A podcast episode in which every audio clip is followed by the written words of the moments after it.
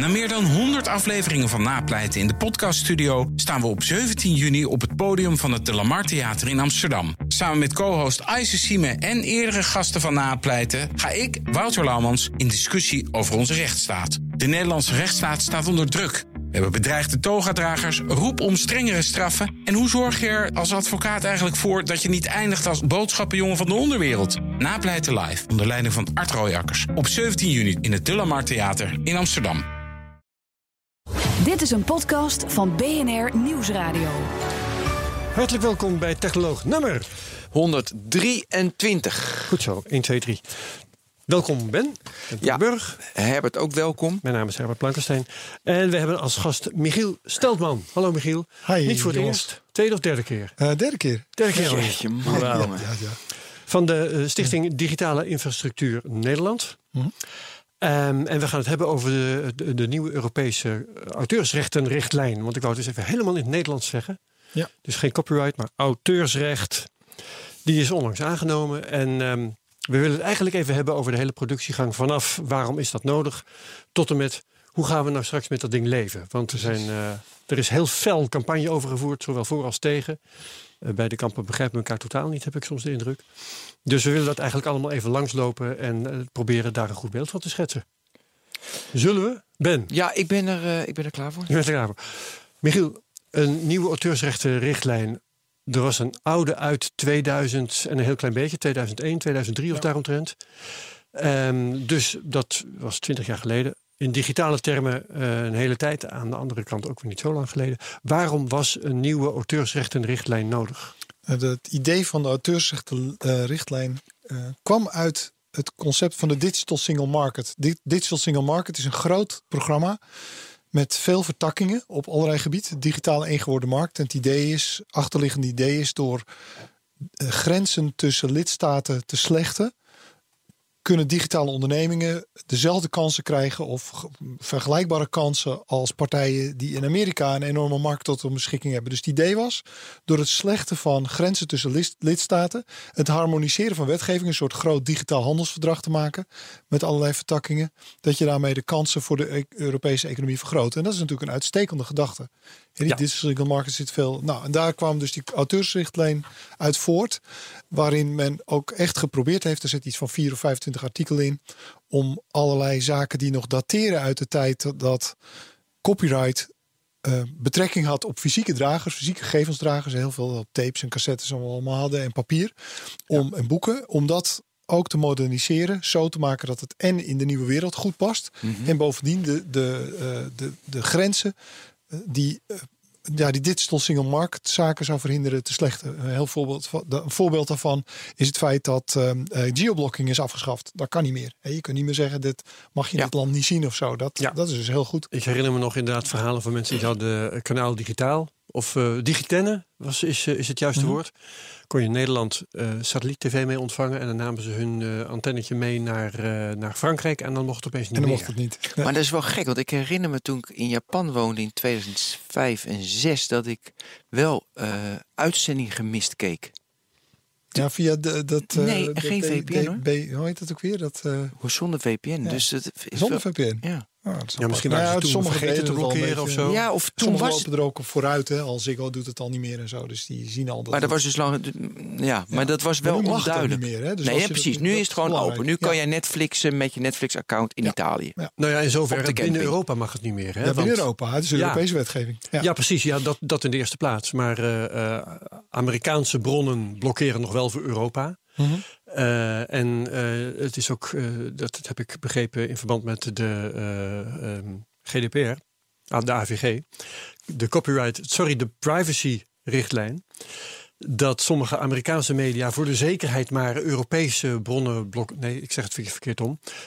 Dat sommige Amerikaanse media zich niet laten lezen door Europese burgers Omdat ze zeggen dat, is, eh, dat ligt gevoelig. We, we blijven liever aan de veilige Daar word ik helemaal gek van. Weet je dat? Dan ga ik naar een, een. Weet je, soms kom je natuurlijk wel eens op een lokale nieuwssite in Amerika, ergens in Kansas. Want dat, Nou, denk- gewoon de LA Times, joh. is zelfs de LA Ja, Times. LA Er zit niet ja. eens een niche. Nou, daar word je Ja, toch we helemaal gek van. Dan ben ik gewoon het misgaat, dus voor de zekerheid mag u het niet meer zien. Ja, Ja, dat is een beetje... Ja. Ja, ja. Ja, Ja, maar ja, zover zijn we een- al een gekomen. rationeel besluit, hè, om zo te zeggen. het is een lawyer Je besluit. kunt zeggen, het is een dus, beetje scheiterig, maar eh, advocaten worden betaald om Nou ja, dat is dus een, eh, een precursor voor wat er met dit directief gaat. eh, De advocaat het voor het zeggen krijgen bij bedrijven. En dan zitten ze aan de veilige kant. Dat, dat zie je Ja. dus al daar. Daar, daar wordt inderdaad ook al voor gewaarschuwd Ja. in dit verband.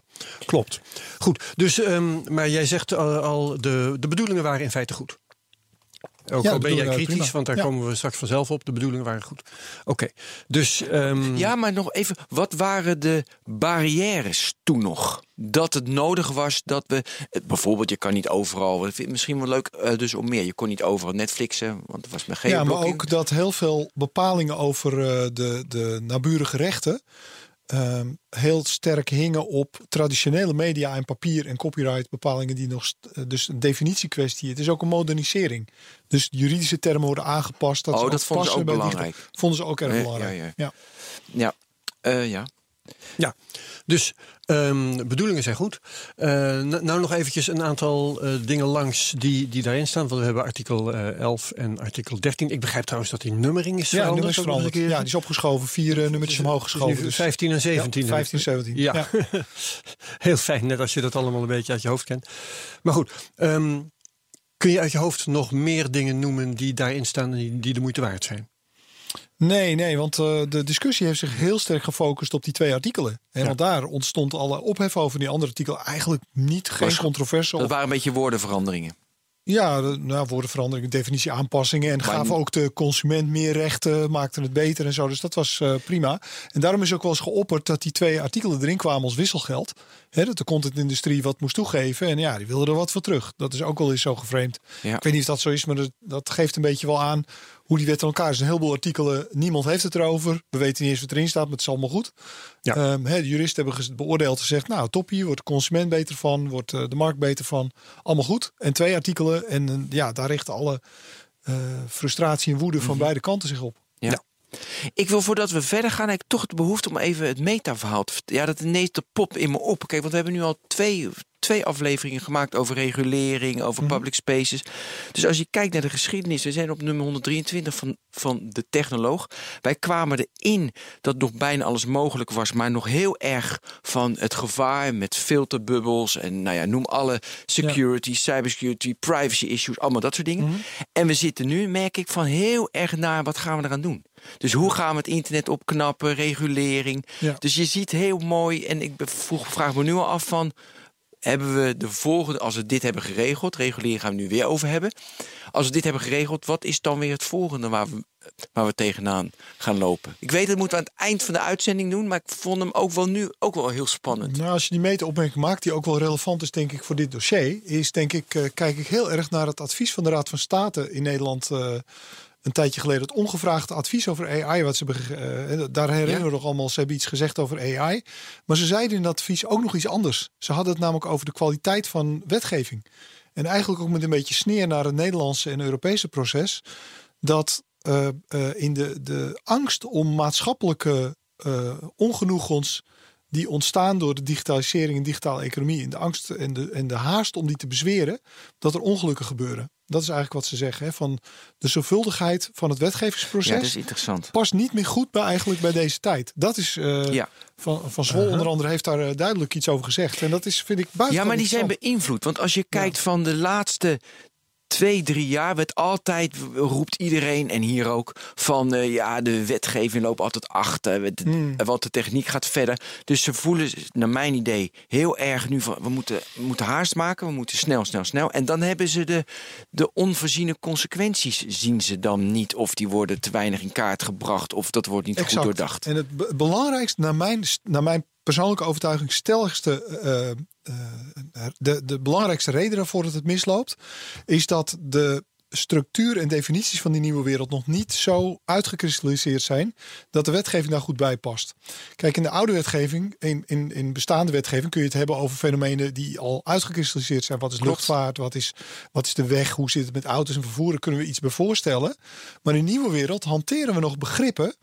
Eh, juristen worstelen met begrippen en definities. En die hanteren vaak begrippen uit de tijd van telecom, hè, media, telecom, technologie. Uit een verzuilde wereld, hè, waar de, de technologie en de media allemaal pasten bij elkaar. Dat zat bij één bedrijf of één, eh, hè, dus een, uit, een, een studio of Hilversum of een, of een krant. Die had alles in de hand, zowel het Ja. papier als de, als de content. Nu is dat allemaal niet meer zo en is die wereld heel erg gelaagd en gestructureerd.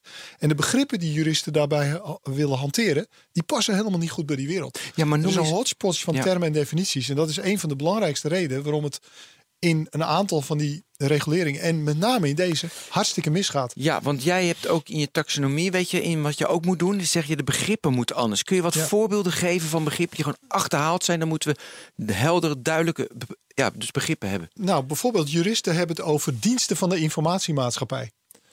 En eh, ja, daar kun je je ook van alles bij voorstellen. Is dat eh, de AMSX of een hosting? Of is dat al? Ja, dat is het allemaal. Hè? Want je kunt daar als eh, bedrijf, consument, kun je daar iets Juist. mee. Maar feitelijk is het zo dat iedereen snapt dat een AMSX, hè, dus een, een internetknooppunt die alleen bitjes doorgeeft en dat hoort te doen. En zich vooral niet met andere dingen hoort te bemoeien. dat dat iets heel anders is dan een Facebook of een Google. Ja. Hè? Ja. Of, of een, of een is website of een precies, winkel. Ja, En dus die hele structuur- gelaagdheid. Precies, die gelaagdheid, die kennen we niet in de oude wereld. Want telecom was zowel de spraak als eh, de content, als de antennes, als de kabels, als het koper. en dat zat maar- allemaal bij één bedrijf. bijna, Dus eh, bijna, want natuurlijk wat je zegt over een telefoon is natuurlijk wat anders dan, eh, dan eh, de lijn. Ja, met telecomwet eh, was spraak stond in dezelfde wet als, als, de, Ja. als het koper. Ja. En dat is natuurlijk nu, is dat door de enorme groei en omvang zijn dat, is dat enorm, hebben al die, al die onderdelen van het ecosysteem een eigen economie of scale gekregen. En ook een eigen dynamiek en ook eigen regels. Ja. Behoefte aan eigen regels. En van de een mag je niet ingrijpen, van de ander moet je het. Maar ja, die definities passen daar niet zo goed bij. Ja, en Dat is die- ook een kwestie die we hebben geagendeerd eh, bij het CBS worstelt daarmee. Hè, want die kan daardoor niet goed meten hoe die digitale economie in elkaar zit. Hè, want die moeten TMT-definities en SBA-codes hanteren. Ja, die zijn er niet voor de digitale wereld. Ja, Dat bestaat niet. Je, kunt, je hebt geen code voor. TomTom is bijvoorbeeld een autobedrijf, geloof ik. Die heeft zich geregistreerd als een bedrijf van autoaccessoires.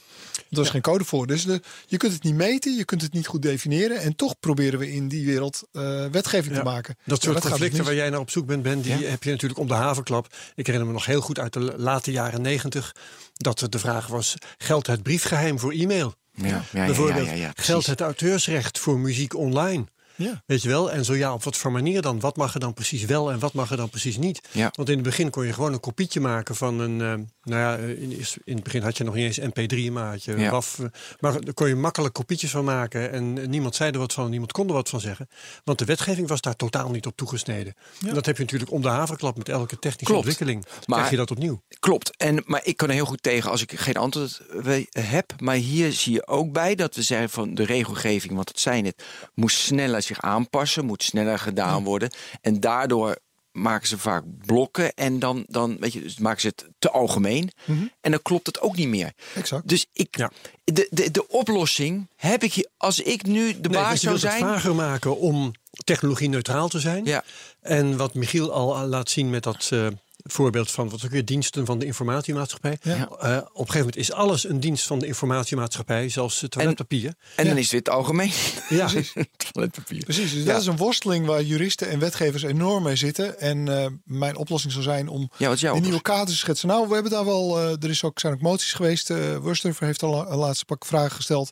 Minister van, joh, kunnen we dat nou eens een beetje gaan structureren en uitzoeken? En vraagt CBS om dat opnieuw uit te zoeken, zodat we in ieder geval modellen en beelden hebben.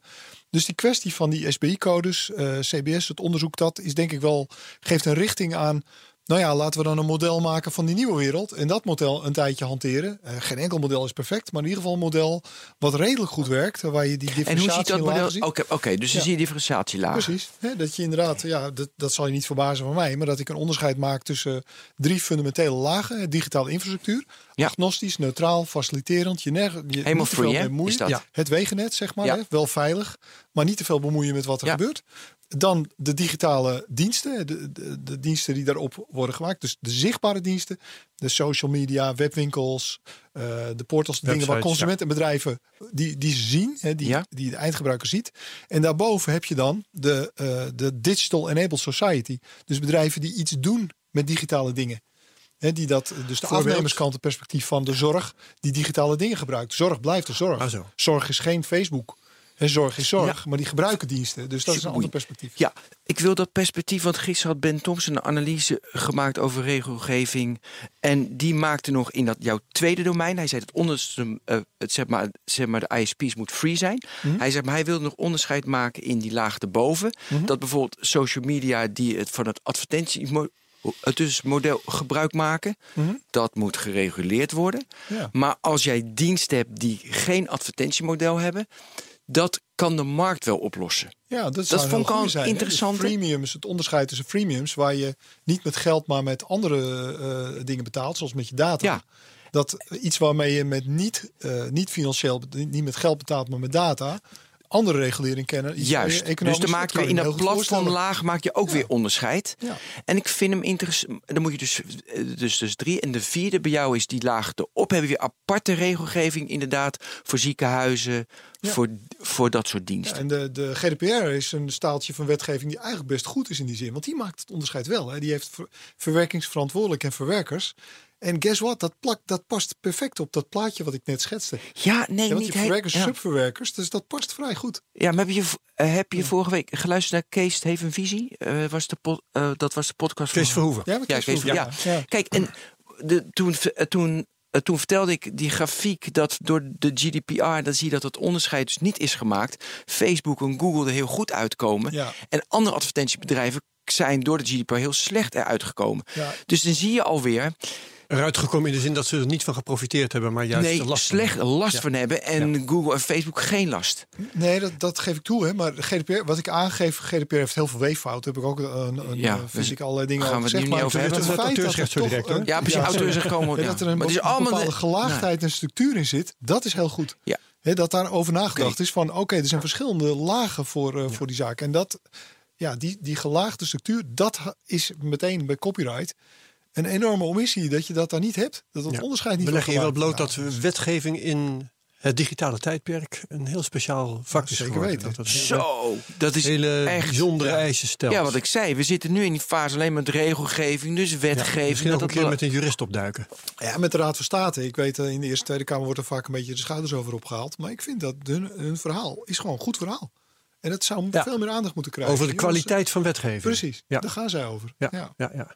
Maar ja, dan kom je gelijk ook weer op de kwaliteit van volksvertegenwoordigers. En dan is het meteen weer vrij hopeloos. We hebben daar eh, tien uitzendingen verder. Kees Verhoeven niet te nagesproken. Nee, precies. Ja, jij wil, Ja, maar ik wil dan toch Nee, nog even, want jij hebt een oplossing. Maar hoe kunnen ook die snel, want ik vind het mooi in die gelaagdheid, moet apart zijn, klopt. Maar de, de- kijk, de snelheid, want de techniek loopt, loopt altijd voorop. De e-mail van Herbert, voor, dus, voor- voorbeeld. Hoe zou wetgeving er zo ingeregeld moeten worden dat het wel iets beter werkt? Ja, die, die structuur- en definitiediscussie eerst. Dat je eerst weet waar het over moet gaan. Dat je het goed scoopt. Maar die verandert en natuurlijk ook, vervolgens, als je die scoping en je hebt daar consensus over. En eh, nou, ik weet niet hoe tijd. Ik bedoel, OSI-model of- is ook eh, super tijdloos. Ik bedoel, ik denk dat je best modellen en structuren kunt verzinnen die redelijk tijdloos zijn. En die niet zo algemeen zijn dat alles eronder valt. Ja, dus ook zo'n voorbeeld hè, van de verschillende laagjes. Je vindt dat erin terug. Hè. De laag 2, laag 3, nou dat kennen jullie allemaal wel. Ja. als techneuten. Dat is zo tijdloos als maar kan. Dat komt uit de tijd Ja, van klopt, ja. en boomstammen en vuurtjes. Dus dat is al eeuwen oud. Weet Ja. je wel? Dus je kunt echt wel modellen of structuren verzinnen. Maar zullen die altijd... techniek redelijk Ja, overleven. nu- En, en wat er nu wordt gekozen, in ieder geval niet goed. Dat, dat eh, is plausibel. Maar ik denk dat er altijd wel Maar? je, je wetgeving vroeg of laat veroudert. Tuurlijk. Door ontwikkelingen die je niet voorzien hebt. eh, dan kun je het nog zo, nog zo technologie-neutraal proberen te formuleren. Maar dan loop je tegen maatschappelijke ontwikkelingen aan. Of tegen politieke ontwikkelingen. Ja. Of Ja. weet ik veel. Nee, is ook zo. Heel veel, ja, heel veel consequenties. voor de grap Ja. eventjes, eh, terwijl jullie toch aan het praten waren, heb ik gekeken Wat heb jij naar toen gedaan? De, wat ik heb gezitten doen. Iets voor mezelf natuurlijk. tuurlijk. Eh, is opzoeken Facebooken. wat ik kan vinden over die Europese Copyright Directive. Ik had natuurlijk mijn huiswerk moeten doen, maar het is toch aardig gelukt. Ehm, want eh, Wikipedia, dat is op zichzelf saillant. Wikipedia notabene slaagt er niet eens in om eh, alle artikelen op te noemen of alle artikelen te beschrijven. Maar ze pikken er gewoon een paar uit. Dat Ja. vind ik eigenlijk al tekenend. Maar het is wel aardig. Artikel 3 bijvoorbeeld gaat over ehm, eh, uitzonderingen wat het auteursrecht betreft voor tekst- en data mining. Mhm. Artikel 4 regelt van alles eh, voor het gebruik van auteursrechtelijk beschermd werk in het onderwijs. Dat is ook wel grappig. En artikel 14 heeft het over ehm, dat reproductie van werken van visual art, van dus visuele kunst, beeldende kunst moet ik zeggen, eh, die in het publieke domein zijn, dat zul- dat soort werken niet op hun beurt weer het, behept kunnen zijn met, met auteursrecht. Nou ja, dat zijn voorbeelden van dingen die daarin staan. Ja. En verder hebben we ook nog eventjes de richtlijn zelf gevonden. Want de tekst van de richtlijn eh, die staat in zijn geheel ook nog eens een keertje online. Mhm. En die is bij mij nu eh, behoorlijk uit beeld geschoven. Maar ehm, daar kan ik wel van zeggen, die is, oh hier heb ik hem. Die is zo ontzettend lang. Ik heb er eindeloos in zitten scrollen terwijl jullie aan het praten waren. En ik ben nog niet eens bij de tekst van die eigenlijke artikelen gekomen. Ja. Dus het is eindeloze lappen tekst, inleiding, inleiding, inleiding. En daar zetten we dus gewoon in de show notes om er vanaf te zijn. Ja. Zodat mensen zich daar eh, lekker zelf in kunnen verdiepen. Oké, dus eh, waar gaan we het eh ook Maar hij is lang. Het is wel handig om even dan te vertellen waar dus artikel 15 en 17, wat dus 11 en 13 was. Ja, Weet je wat gewoon de kern is? Want- nou dat is niet de kern, alleen dat zijn de Nee. dingen waar het meeste ruzie over ja, is precies. geweest. Dus waar, maar Meest daar, gaan, daar gaan we het meest. eh, dus, ja, Ja. dus nog even de samenvatting wat er nu, wat er nu uit is gekomen. Dat is misschien wel handig. Ja, laten we daarover Ja. hebben. Artikel 11 en artikel Gewoon, 13. wat is het? Ja, en, en wat is er aan, aan onzin over verkondigd? Want er is natuurlijk heel veel over eh, eh, gezegd. Ehm, wil jij een poging doen? Ja. Michiel? Beide artikelen zijn in het copyright directive terechtgekomen na ehm, de eh, op basis van een ehm, eh, de creative industrie heeft zich sterk gemaakt voor een oplossing voor wat zij noemden de value gap. En de value gap zeiden ze van dat door de dominantie van eh, enkele grote nieuwe uitgevers zoals eh, hè, noemen ze dat Google, eh, Facebook noemen ze maar op, hè, de grote merken, dat dat ten koste gaat van de geldstromen naar de creatieve industrie. Ja. En de value gap is van kijk eens wat, hoe het vroeger was en kijk eens hoe het nu is. En dan zie je dat in de nieuwe wereld de mensen, de creatieven, niet krijgen waar ze recht op hebben door een te grote dominantie van die spelers. Ja, of dat is waar ze recht op hebben, dat is een tweede. Maar eh, dat eh, Facebook en eh, Google een geweldige zuigende werking hebben Ja. op geld, dat is onomstreden. Precies. Ja. En daar zeiden ze dat dat was het motief om in die artikelen daar iets aan te gaan doen. En te zorgen dat er meer grip komt op de geldstromen van die partijen. Dat was een, een, een van de motieven. En daar zijn twee artikelen voor gekomen. Artikel 11, wat nu dus eh, 15 is geworden. De zogenaamde linktax wordt het door de tegenstanders genoemd. Maar feitelijk is het zo dat er wordt gezegd van partijen die bovenmatig verdienen aan het aggregeren en weergeven en linken en verwijzen naar copyrightbeschermend materiaal. Die hebben daar een enorm verdienmodel. Wat ze dus bedoelen, de zoekmachine van Google. Kijk eens even, want alles verwijst naar ons materiaal van Ja. de creatieven. Ja. En moet je eens kijken wat Google eraan verdient. En daar hoeven ze niets voor te betalen. En dat is niet eerlijk. Hè, want wij maken dat materiaal. Zij verwijzen daarvoor. Hebben een zoekmachine die er ontzettend veel eh, mee verdient. En een deel van die verdiensten horen terug Ja. te komen bij de partijen die dat copyright materiaal Ja, beschikbaar en dat maken. bestaat ook in andere vormen, want ik kwam ook een voorbeeld tegen eh, van eh, ehm, zoekmachines voor beeldmateriaal. Ja? Die natuurlijk om aan te geven. Trouwens, Google is zelf ook, levert zelf ook zo'n zoekmachine voor beeldmateriaal. hè. Als je in een Google Ja. search klikt op afbeeldingen, dan krijg je een eh, onafzienbare rij plaatjes. Mhm. En dat zijn natuurlijk voorbeelden van wat er achter die link zit. Ja. Eh. Het grotere plaatje. Eh, de, de, de versie met meer resolutie, daar kun je dan op klikken. En het betoog daarbij is dat zoekresultaat is op zichzelf al gebruik maken van auteursrechtelijk beschermd Precies. werk. Want in plaats van een alinea kopiëren wat je doet bij een nieuwsartikel, Mhm. hè, dat je bij de link een, een eh, kort eh, een paar zinnetjes zet, zet je hier eigenlijk het hele werk al neer. Ja. En Ja. dat is gebruik. Maar, en, en ik kan dat Ja, betoog heel goed volgen. Ja, dat maar een, Ik wil ook de links, maken hè? van dus het feit ook dat je een kop of een link ook in de tekst hè, dus al verwijst en al iets van de inhoud prijsgeeft, Ja. Maakt jouw eh, zoekmachine waardevoller en maakt dus dat jij als Google daar meer aan verdient. Ja. En het argument is dat is niet eerlijk, want degene die het werk oorspronkelijk hadden, die verdienen daar niks aan. Precies. En, en eh, waarom kan ik dat begrijpen? Ja. Als ik straks kies voor eh, van, van dat hele rijtje plaatjes, daar wil ik het even over hebben, voor het vierde, want dat spre- spreekt mij het meest aan.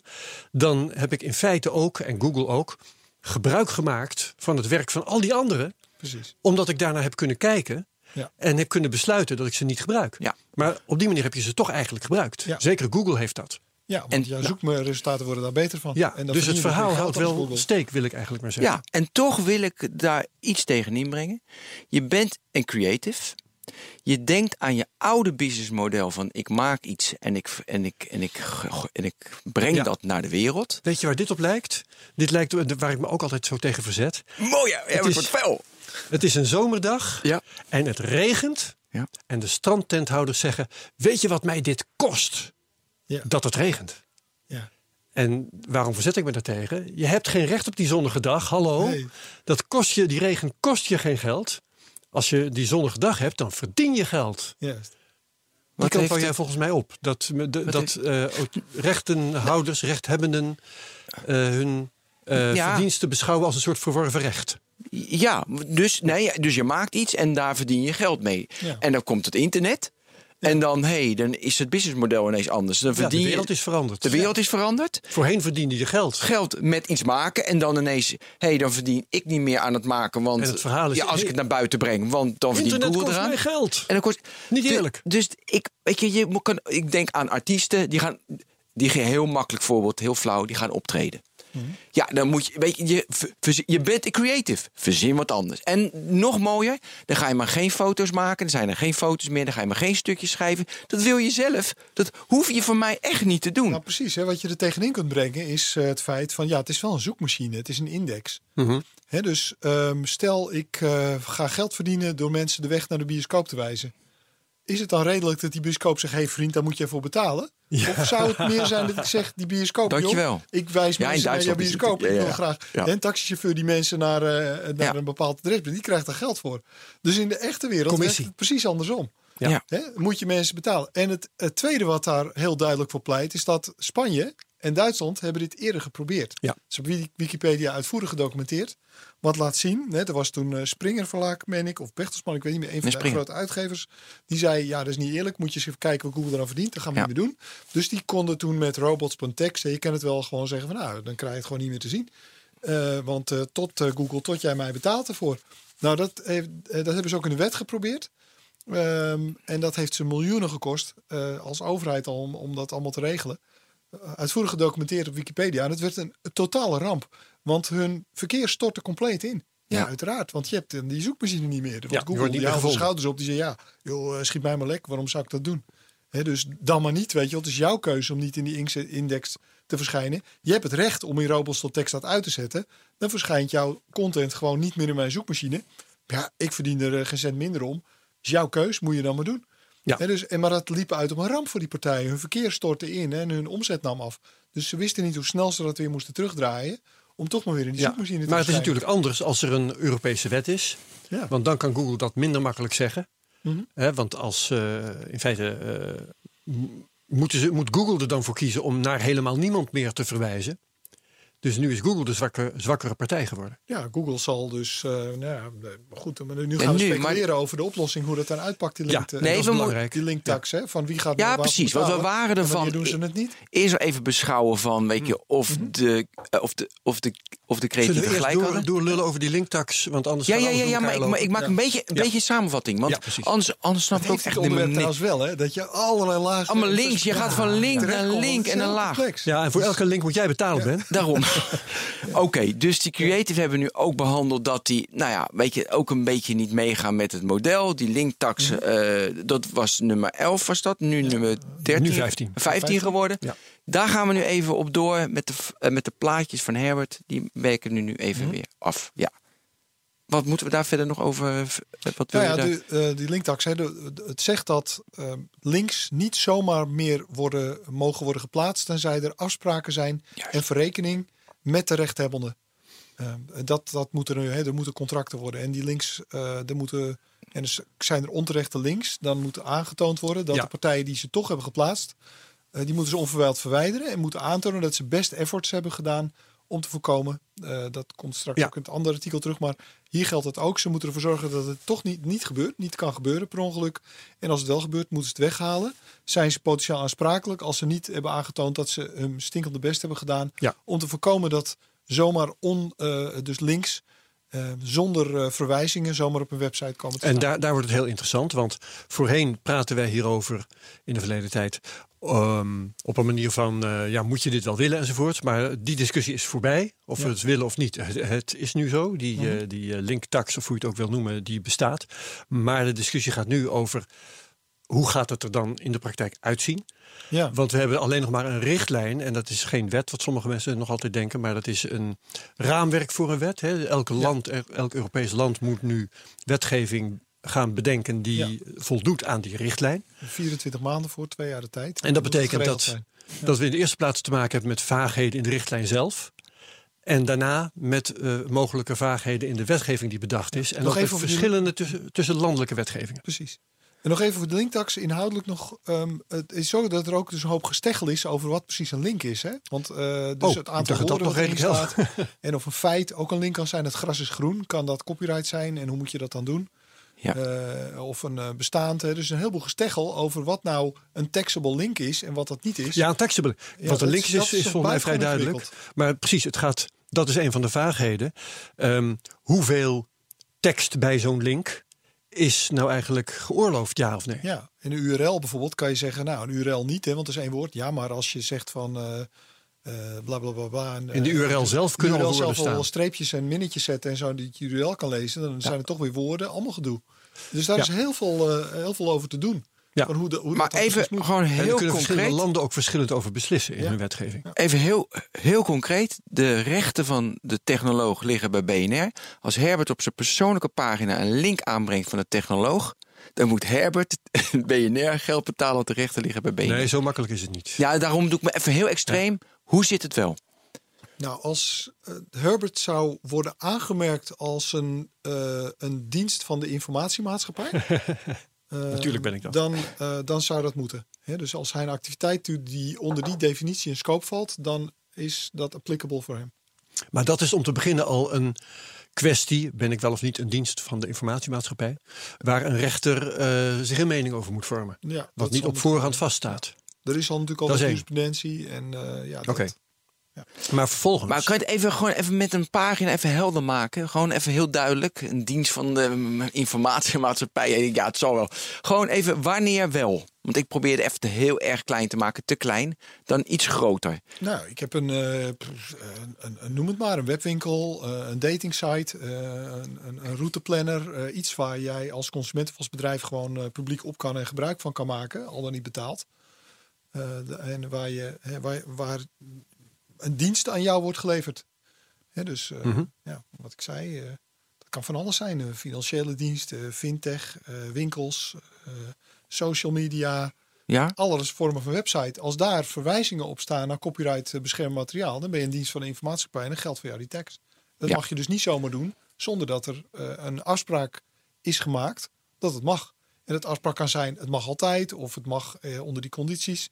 Eh, maar je zal dus met de rechthebbende of de vertegenwoordiger namens de rechthebbende, hè, dus de creatieve of dienstvertegenwoordiger, zal die afspraak moeten bestaan. Ja, Concreet maar- zou Buma Stemmer kunnen zeggen, nou Herbert, jij zit in een categorie, voor, jij, jij mag dat gewoon doen. Dat zou kunnen. ja, misschien eenmansbedrijven. maar of, dat Maar dat moet nog allemaal worden uitgezocht. Dus ik heb een persoonlijk blog moet worden uitgezocht. Maar ik ben bol.com ook, weet je. En ik maak een verwijzing naar de technoloog. Waarom, weet ik niet. Maar om eh, een koptelefoon te verkopen. Ja. Ja, maar Wow. ehm, je zei net al, Michiel, eh, in een URL kunnen zelfs al woorden staan die eh, nou ja, dingen onthullen over de inhoud. Mhm. Ehm, wat ik begrepen heb, ik heb er toch redelijk wat over gelezen, eh, dat was dat er wel wat informatie bij een link mag staan. Ja. Dus de link zelf lijkt me redelijk veilig. Je, je kunt wel blijven zeggen dat moet allemaal nog worden uitgezocht. Het is vast ook waar. Maar het lijkt mij redelijk veilig. Ehm, een beetje tekst daarbij, voor zover ik het begrepen heb in die richtlijn, dat mag. Ja, vier woorden, vijf woorden geloof ik. Maximaal. Vier, vijf woorden. Ja, zoiets. Ja, daar is, daar is al over gesproken. Het gaat om het aantal woorden, want ik dacht dat het ook nog uitmaakte of die tekst wel of niet afkomstig was, gekopieerd was uit het artikel waarnaar werd verwezen. Of, dat, hè, of die, eh, datgene wat je bij die link zet, het kan dus ook een plaatje zijn, Ja. of dat onderdeel eh, is van datgene waar je naar verwijst. Ja, nou, het moet een snippet zijn. Het moet Ja. als, hè, dus afhankelijk van de omvang wordt het beschouwd als iets wat ook auteursrechtelijke bescherming geniet. Afhankelijk van de omvang. Ja. Want ik, waar ik aan heb zitten denken, en dat is, lijkt me leuk als, als ehm, eh, voorbeeld om, om te bespreken. Google plaatst nu inderdaad bij de links in Google News, dat is al toch allemaal een heel helder voorbeeld, ehm, een fragmentje uit de oorspronkelijke tekst. Ik heb het altijd heel onschuldig gevonden, want het is nooit zo dat je denkt, ik lees dat en dan hoef ik niet meer op die link te klikken. Helemaal niet. Dus waar zeuren de uitgevers over, maar dat terzijde, die dis- discussie is geweest. Ehm, maar Google zou een maas in de wet kunnen vinden, denk ik, door een of ander eh, bot te maken, die niet langer iets kopieert uit het artikel, uit het artikel waarnaar verwezen wordt, maar ehm, iets maakt, ik zal maar zeggen, in de indirecte reden. Eh, namelijk dat daar niet langer een citaat staat, maar in het artikel eh, dat de New York Times hier publiceert, wordt het nodige gezegd over bla bla bla. Ja. Dus dan is dat niet meer een fragment uit het artikel in kwestie. En zou dat mogen in mijn interpretatie van wat ik tot nu toe hierover heb gelezen? Nou ja, wat denk jij? va- Vage wetten met vage definities en ruime definities leiden altijd tot maas en uitzonderingen en, en nieuwe modellen. Ja. Dus ik, ik kan wel met je meegaan. Ik kan mee speculeren. Ik Ja. denk dat er inderdaad eh, allerlei slimmerikken die allerlei oplossingen Dat gaan en doen. gaan verzinnen. Maar Ja, dat zou zomaar kunnen. ik Ja. zie, zoals je hem nu beschrijft, dat als Google News verdwijnt, joh. Wie zal Nou, er wakker van liggen? Ik.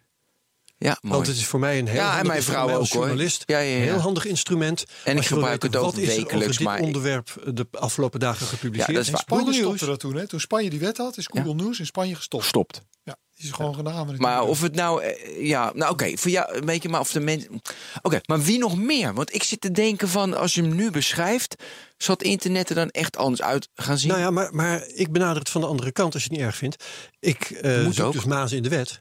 Ehm, de reden dat ik dat doe is dat in dit verband steeds is gezegd eh, door, eh, ik zal maar zeggen, activisten, mensen, mensen die tegen de richtlijn waren.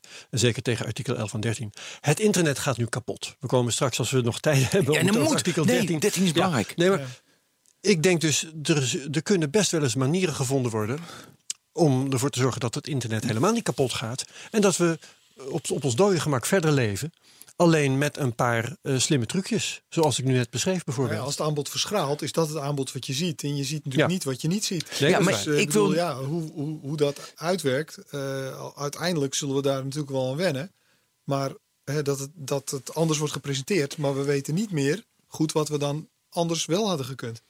Hè, dus ontwikkelingen Ja. zijn, een aantal ontwikkelingen worden dan geremd. Dat is nou eenmaal zo. Maar eh, ehm, ehm, Herbert, ik wil buiten Google, want die zie ik. En, ja. Maar ik wil nog meer voorbeelden. Even van 11, nu 15. Jongens, we gaan het echt zo ingewikkeld maken. Wil ik nog meer voorbeelden dat, het, dat ze turnarounds moeten maken? Want anders is het echt anders. Zoals je met z'n vier, vijf woorden kan je doen. Ja. Nou, ik zie niet meer waar het maar wordt, even, waarbij je een overzicht wel, ziet. En, eh, het kan alleen maar als je, eronder, eh, als je eronder uitkomt. Hè, door slimme trucken zeg maar, nou voor mij geldt die afdracht niet. En dan krijg je ongetwijfeld met de juristen van Buma Stemmer aan de stok. Die komen bij jou op de koffie en die gaan daar zaken over voeren. Ja, als ze en, tenminste zin hebben. is dat je wel afspraken maakt. Hè. Dus de- wat we niet verge- moeten vergeten is dat er ook een heel circus bij komt. Van verrekening en afdracht en, eh en Ja. naburige rechten. Wat we nu al kennen van allerlei andere Ja. domeinen. Dat, dat komt dus overal bij bedrijven naar binnen. Klopt, maar zoals je, Je hem nu beschrijft, zoals je hem nu beschrijft, zie ik niet waar dat plaats gaat vinden als je alleen een linkje doet. Of je doet het bewust en denk je van nee, ik wil een lange artikel, weet je wel, en ik gebruik echt veel van die auteursrechthebbenden en dat doe ik bewust.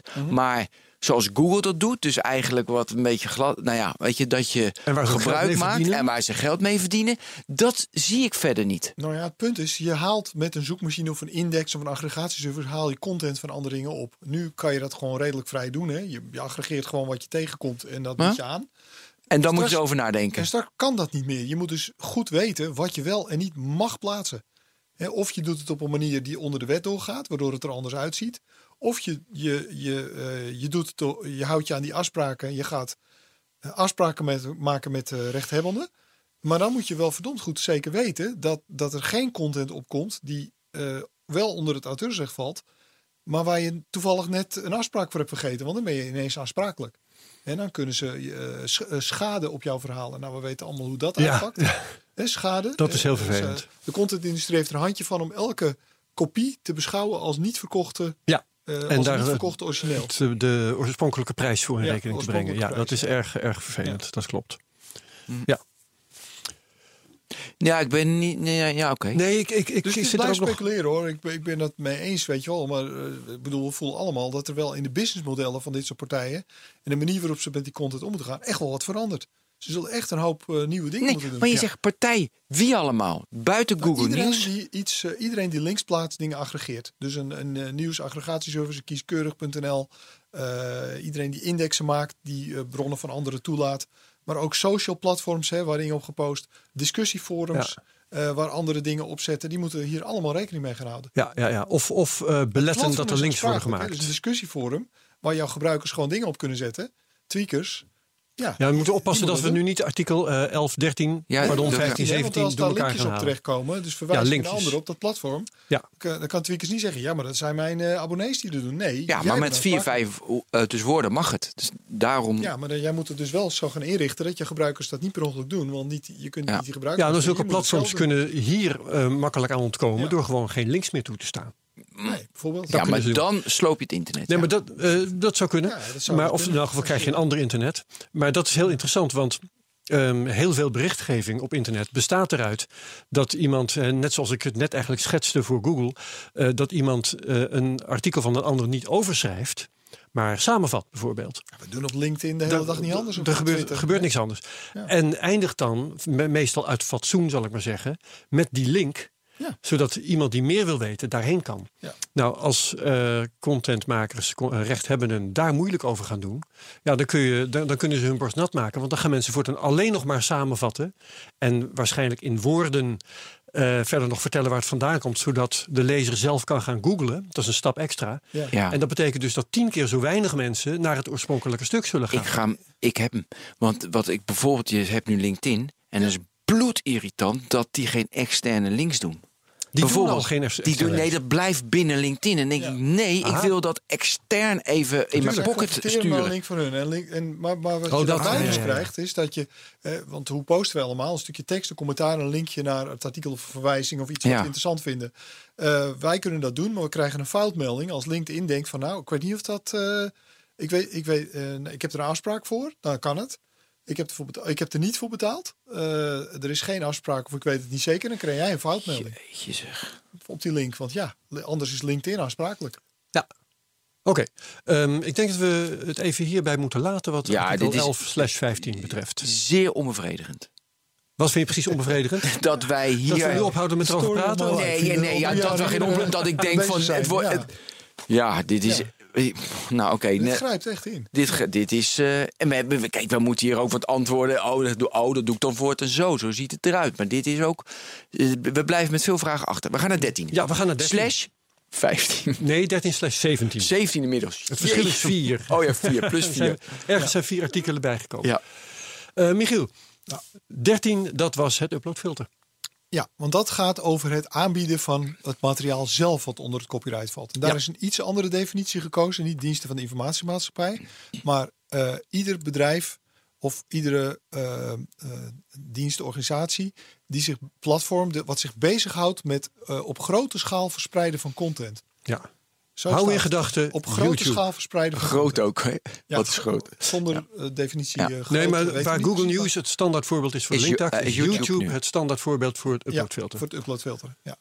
Ehm, nou, ieder, iemand laat eh, upload een filmpje. En dan is dus de vraag: is dat filmpje copyright? Is het een rechtstreekse kopie? Of is het copyright beschermd omdat je daar eh, eh, plagia of plagiaat mee pleegt. Hè? Ja. Ik zing iets na of ik gebruik een, een liedje van iemand anders. Of er zit beeldmateriaal op de achtergrond van iets wat copyright Ach, is. hou op. Ja, Eh, dat is zo kinderachtig. Maar goed, ga dus, verder. Ja, videootjes, hè, kan van alles Ja, in staan. ja, ja, wat, ja, ja. wat onder copyright valt. Of ik, ik spreek woorden uit of ik laat een document zien. Weet ik veel. Een gebouw Dus- van een architect, een Ja, beeld van een beeldhouwer. copyright zijn. En, eh, nou, en het is zo dat eh, er is gezegd van als jij een platform hebt voor het grootschalig verspreiden van content, van jezelf of van anderen, dan, dan mag dat alleen als je daar toestemming hebt of een overeenstemming of een contract. Eh, als daar, eh, daar is ook iets in andere paragrafen gezegd over de afdracht die daarbij hoort in de recitals. Hè, van eh, wat voor type van betaling en verrekening hoort daarbij. Niet van dat je zegt, nou ik heb het afgesproken klaar. Maar er moet ook echt betaald worden. En daarnaast is het zo dat als er onver- onverhoopt toch van dit soort materiaal op jouw site terechtkomt, dan moet je dat er onverwijld van verwijderen. En je bent aansprakelijk tenzij, voor de schade die daardoor geleden is, tenzij je aantoont dat je, eh, pro- ehm, hoe is dat weer omschreven? Best effort, best effort, die Ja, term ja, is ja, gebruikt, ja. hebt gedaan om te voorkomen dat Je het gebeurde. best en je moet ook best effort om te voorkomen dat het nog een keer gebeurt. Dus hè, we noemen het wel notice en stay down. Dus je hebt een notice gehad en je moet ervoor zorgen dat het niet meer kan gebeuren. Dat het niet nog een keer eh, diezelfde content bij jou online kan komen. dat is Dus aardig dat om is eigenlijk wat worden. artikel 13 zegt. Ja, oké. eh, gaan we het nu meteen al hebben over de Maas in de wet? Of eh, had jij nog vragen? Ik word zo moe van, van dat soort dingen. Nee, ik had een heel mooi artikel. Het is wel leuk. Even gewoon een verhaal eh, off topic. Mike Marsink, dat we, in 2002 was dat een, eh, een techjournalist. Die, die, werd, die had een, een site gesponsord door Nokia. Zo'n heel klein onderin Nokia. En die was echt goed. En ik was hem helemaal uit het oog verloren. Had hij op TechDirt had hij eh, over inderdaad artikel 13. Weet je, iemand heeft zelf de rechten. eh, en toen, weet je, toen kon hij zijn eigen, zijn eigen muziek kon hij niet meer uploaden. had hij heel artikel. Weet je, dat, dat vond ik een mooi voorbeeld dat je heel erg moe wordt. Ja, dus nou ja, ik word hier moe van. Kijk, je kunt het heel, heel eh, simpel stellen. Als je verplaatst je in het platform, hè, nou YouTube kun je als voorbeeld nemen, neem een ander platform hè, waar je content kunt, eh, kunt uploaden, documenten of video of teksten of plaatjes of wat dan ook, of een fotoshare of wat dan ook. Dan is dat platform aansprakelijk als er iets op terechtkomt waar die rechten, waar die naburige rechten of die rechten niet voor zijn verleend. Nou, wat doe je als je zo'n platform bent? Je gaat natuurlijk aan de veilige kant zitten. Ja. Jouw juristen zullen je adviseren van denk erom, eh, zorg dat het niet misgaat, Ja. want je krijgt elke keer een flinke claim. Dus je gaat niet eh, denken van nou het zal wel een parodie zijn, dus het is wel oké. Nee, je gaat, het is niet oké tenzij het tegendeel Tenzij je bewezen. zeker weet dat het oké is. Want dan Ja. kun je het eh, toelaten. Dat is waarom, het, waarom Vint Cerf en anderen hebben gezegd... hiermee verandert het internet in een nee-tenzij systeem. Ja. En, En toch, ik, denk dat ik, heb het, eh, ik heb het vorige week al eh, gezegd eh, toen Kees Verhoeven hier zat. Er, is, er, is wel een serieus probleem dat, hierdoor, dat ze hiermee proberen te bestrijden. En dat ik vind daarbij fotografen het beste voorbeeld. Als een fotograaf ook maar een, een, een thumbnail, een postzegeltje van zijn eigen werk online zet, dan wordt dat gebruikt door blogs links en rechts. En de fotograaf kan zijn complete werkweek besteden aan eh, de politieagent uithangen van zijn eigen werk. Ja. Omdat het overal ehm, eh, links en rechts gebruikt wordt zonder dat hij daar verder iets tegen kan doen. Ja. Dat is om doodziek van te worden, kost fotografen dus echt geld. En eh, wat moet je daar anders aan doen dan dit? Ja, dat vind ik zo, zo jammer van deze hele gang van zaken bij het copyright. Dat de contentindustrie eh, de- bij de value gap Ja. eh, hebben gebruikt niet als eh, niet, niet voldoende hebben uitgelegd wat het probleem is en daarbij een proportionele en juiste en werkbare oplossing in de internetsfeer. Mhm. Maar eigenlijk het oude instrumentarium weer uit de kast hebben gepakt wat we nog kenden van Acta, Acta Zo, Pipa. de. En die zogenaamde internetvrijheid moet worden aangepakt wat 10, 15 jaar geleden Ja, maar werd ingegeven door het motief het beter gekund ons? Ja. businessmodel Ja. wordt eh, verspreid. Nou, eh, kijk, waar het fundamenteel om gaat, is dat er blijkbaar onvoldoende mogelijkheden zijn voor compens- compensatie van copyright. Eh, als je het nou echt alleen maar over het geld hebt. Ja. Hè, dus alleen maar echt over een eh, evenredige proportie. En ik heb het over We hebben de- hier kopieerheffingen, hebben we thuiskopieerheffingen hebben we bedacht. Nee, wacht even. Soort Om even onderscheid te maken. Ik Lijkt heb het, we hebben het ongeveer over hetzelfde, maar ik wil het even benadrukken. Ik heb het over de, de eh, makers zelf. Ja. Ik heb toevallig zelf een, een, een eh, behoorlijke hekel aan auteursrecht dat berust bij bedrijven. Want dat leidt tot de excessen die jij ook schetst en waar jij volgens Mhm. Ja. mij ook een hekel aan hebt. Maar ik heb het over de makers zelf, hè, die dus Ja. eh, niet in staat zijn om de politieagent te zijn van hun eigen werk. Eh, in tegenstelling tot grote bedrijven die daar gewoon advocaten op zetten en dit soort draconische maatregelen. Maar ga verder. Nou, wat wij hè, dus in de alternatieven, we hebben, ik combineer hem ook met de discussie die wij sinds jaar en dag met de Stichting Brein hebben onder de oude wetgeving, eh, is dat hij eh, zich eh, enorm veel, Tim Kuik, die we allemaal kennen, heel veel juridische energie steekt in het aanpakken van wat hij noemt de bad guys. Ja. En daarbij overal terechtkomt waar hij terecht wil of kan komen. En wij hebben altijd gezegd van, nou ja, we willen als industrie heel best helpen. Maar help ons dan gewoon met crawlers en met, met die, dat die hele systematiek van notices verbetert. In plaats van dat jij de telefoon pakt en mailtjes gaat typen. Ja. Dat, dat schreeuwt om automatisering, om crawlers. Dat kun je bij die fotografen ook doen. Die fotografen met een goede crawlers kan heel snel... Hè, die, die komt er nu op een of andere manier achter. Maar met geautomatiseerde middelen, die brein ook had kunnen maken... had je kunnen zeggen, jouw kopietje van jouw foto komt tien keer voor. Ja. En dan is daar het daar. redelijk dat hij zegt: jij krijgt dus tien keer compensatie voor het feit dat tien keer die foto voorkomt. Dan kun je dus gaan proberen om, al, om dat geld van die tien keer bij al die platforms en die plekken waar het voorkomt eh, te halen. Maar Ja. had je ook het kunnen denken: van nou, zo werkt het internet. Wij maken een algemene geldstroom waar die man dus gewoon tien keer uit kan worden Maar waar moet die geldstroom dan vandaan komen? Nou, dan moet je dus een algemene, eh, veel bredere, generiekere heffing zeggen van ja, we hebben gewoon meer geld nodig om die creatieve industrie. Eh, Ja, belasting, Die makers eh, of zo, eh, doe het fiscaal, doe het via belasting, Ja. een kopieerheffing, weet ik veel. Maar een veel meer een soort generiek instrument. In plaats van proberen dat per case of per klik of per link te gaan zitten teksten. Waarom is, dit, waarom is dit idee niet overgenomen? Ja, omdat ze niet naar mij hebben geluisterd. Nee, dat is nee, ja, weet je wel, gaandeweg komen die ideeën naar de discussie. Eh, ja, eerst het- harde het- tegenstellingen. nee, maar en verhaal denk je, ja, weet je wel, als je een beetje in de compromissfeer of in de poldersfeer terecht zou komen, dan had je veel eerder stadium veel beter die dialoog kunnen kiezen. Ja. En vanaf day one heeft zowel de contentindustrie meteen de vijandige houding gekozen van dit gaat ook Ja, over een de oude boeven van model, het ja. internet. Ja, ja, ja, In plaats Dat- van, dat is kunnen we met de overeenstemming- stuiters eh, tot overeenstemming Dat is over, in, over- in overeenstemming met het eh, verhaal dat de, die hele copyright-richtlijn het resultaat is van lobbywerk van de grote industrie. Ja, daar zijn ontzettend. Die hebben gekost en moeite gespaard. En gewoon alle artiesten af laten reizen. eh MEP's met hè, die schouder aan schouder staan en met selfies nemen met, eh, met grote artiesten. David Guetta, noem het maar op. En zo allemaal daar naartoe. Denk van dat waren de arme creatieven, maar goed.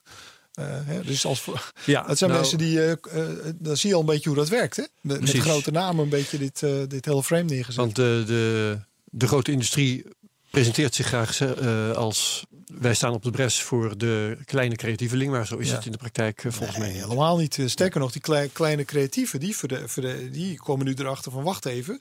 Het kan wel eens zijn dat wij het onderspit gaan delven.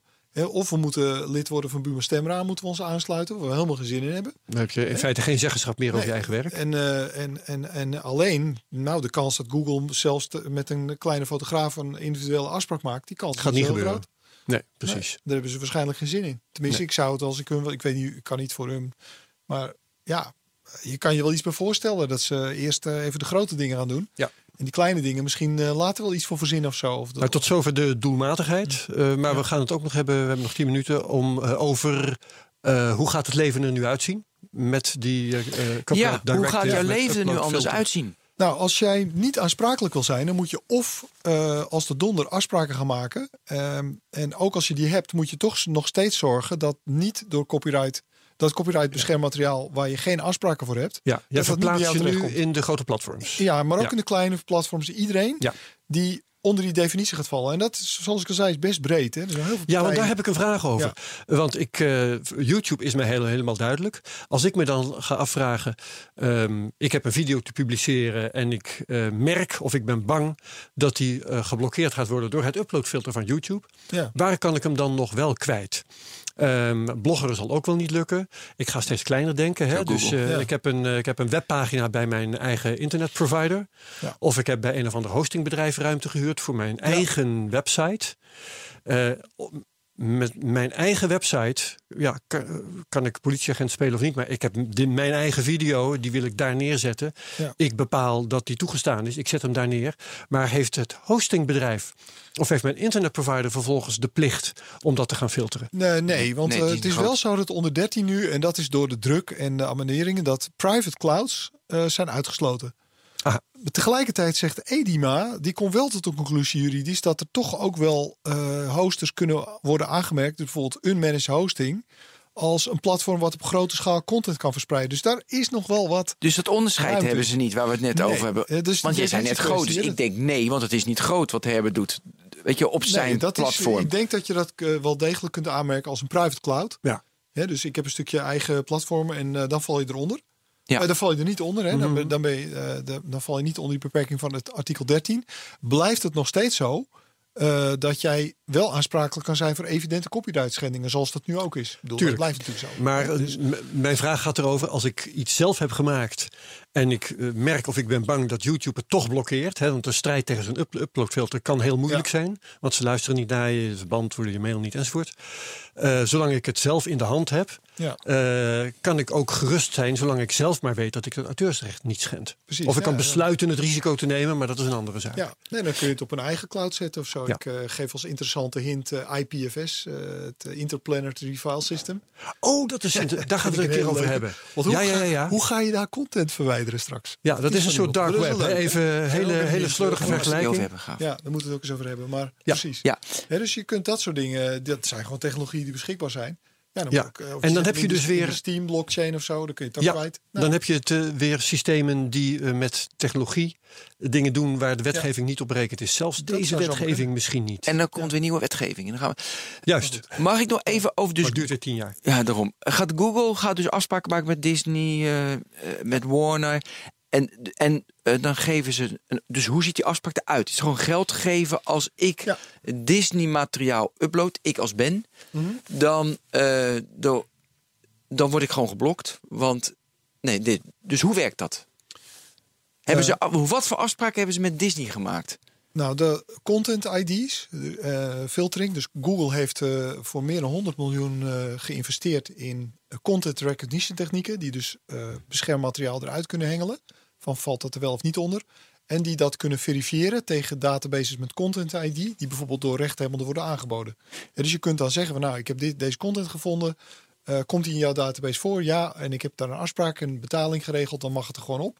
En zo nee, dan eh, hebben ze weer het volgende oordeel. Is het dan eh, mogelijk copyright beschermd? Is er een andere rechthebbende Ja. die claimen voor aanspraak kan maken?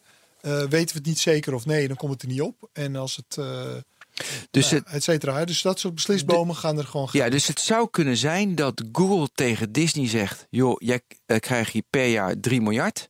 En alle, alle zeg maar, Disney-recht. eh, dus zeg maar alle content van Disney met rechten op van, dus van Disney, die Ben upload, is oké, want Google heeft het afbetaald bij is Disney. afbetaald. Dus als het content ID systeem herkent, hé, hey, dit is een copyright materiaal dingetje van Disney. Dan krijg je als gebruiker geen foutmelding. Ja. Want er is een afspraak geregeld. Met tussen Google en Dat zou leuk kunnen zijn, Ja, want dat betekent dat je dan als gebruiker de vrijheid krijgt om Ja. naar eh believen Disney-filmpjes te Juist, uploaden. dus zijn die afspraken bekend? Nou, nou vind ik het Ja, eh, dat is de heel grappig, ineens er heel leuk. Dat is het laatste artikel wat ik erover eh, las, wat inderdaad zegt van het wordt voor de consument in sommige opzichten beter. Hè, dat, eh, dat werd door de contentindustrie zelf gepubliceerd. Dat dus als eindgebruiker dat er ook voordelen zitten aan deze. Maar is bekend waarmee Google, want we hebben het over YouTube nu, maar dat is, want kijk, Ja. Herbert met zijn platformen gaat die afspraken niet maken. Maar, Nee. eh, maar Google die heeft toch heel veel geld, dus die kunnen die wel maken. Ja.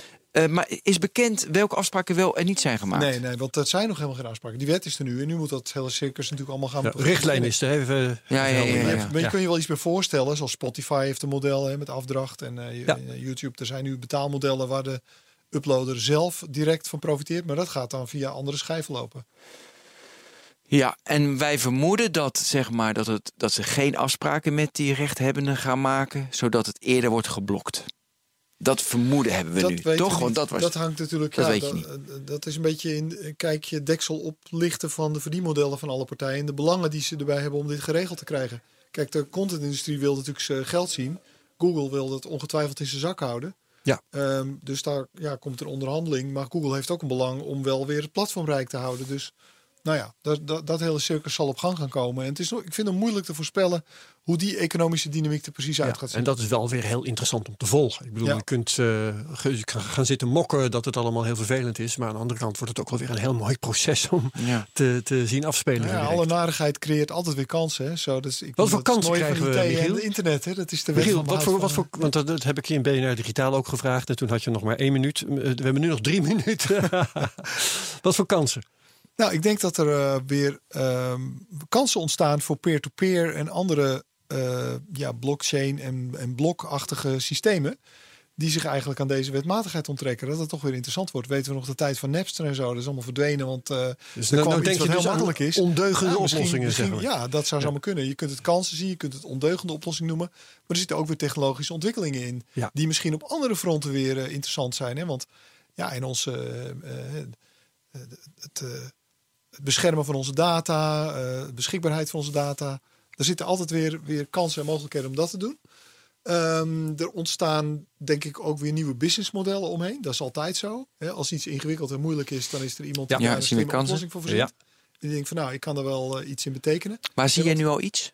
En nou, ik denk, kijk, die contentfilter, partijen die dit moeten gaan doen, ja, die zullen naar goedkope, interessante oplossingen gaan zoeken om hun aansprakelijkheid te beperken en toch uploads toe, toe te laten. Dus niemand zal ehm, eh, staan te trappelen om ehm, eh, technolog- heel dure contentfiltering technologie te gaan, eh, te gaan. Maar met AI of wat zo, dat soort toepassingen zou je misschien wel weer contentfiltering. Ja, Of YouTube zegt gewoon: hey, entertainmentindustrie, eh, wat dacht je van 5 miljard per jaar? We praten Ja. nergens meer over. Ja, want die contentfiltering technologie gaat er Ja, komen. vind ik hè? ook, hè. Dat is misschien nog even kort om te noemen. Ehm, in het, er is altijd gezegd, nee, uploadfiltering gaan we niet doen. Algemene filterverplichtingen. Dat, die internet, eh, vrije internetjongens, die gebruiken dat als een, eh, om iedereen schrik aan te jagen. Nou, de inkt van de handtekening was nog niet droog. En zowel eh, aan de Franse kant als de Duitse kant werd letterlijk gezegd, TechDirt heeft daar mooi over gepubliceerd, denk erom lidstaten, als jullie implementaties doen zonder uploadfilter, dan regent het boetes uit Brussel. Dat is letterlijk gezegd. Ja, ja, ja. Dus wij van Gewoon oh, we zijn, we zijn gewoon letterlijk voorgelogen. Dat is evident. Dat, dat blijft natuurlijk. Dat we worden voorgelopen. Ja, dat blijft blijft natuurlijk, zo lang mijn leven. Ja, Ja. dat blijft. Een van de weinige zekerheden van het bestaan. Nou, dit, Ja. deze was wel heel erg prominent Ja, te zien. ja, dat we ja, denken, ja. wow, dit is, eh, gaat wel echt ver. Ja. Oké, we zullen het hierbij moeten laten. Ja, dank u wel. Iedereen bedankt. eh, en ja, hier eh, kan uitvoerig over uh, doorgediscussieerd worden. Doe dat vooral thuis. En uh, in een toekomstige technoloog doen we dat vast ook weer. Maar Ja. uh, voor vandaag was het even genoeg. Uh, dankjewel, Michiel Steltman. Graag gedaan. Dankjewel, Dankjewel, Ben van den Burg. Dankjewel, Michiel. Top. En tot de volgende Tot de volgende Technoloog. Hoi. Bye bye.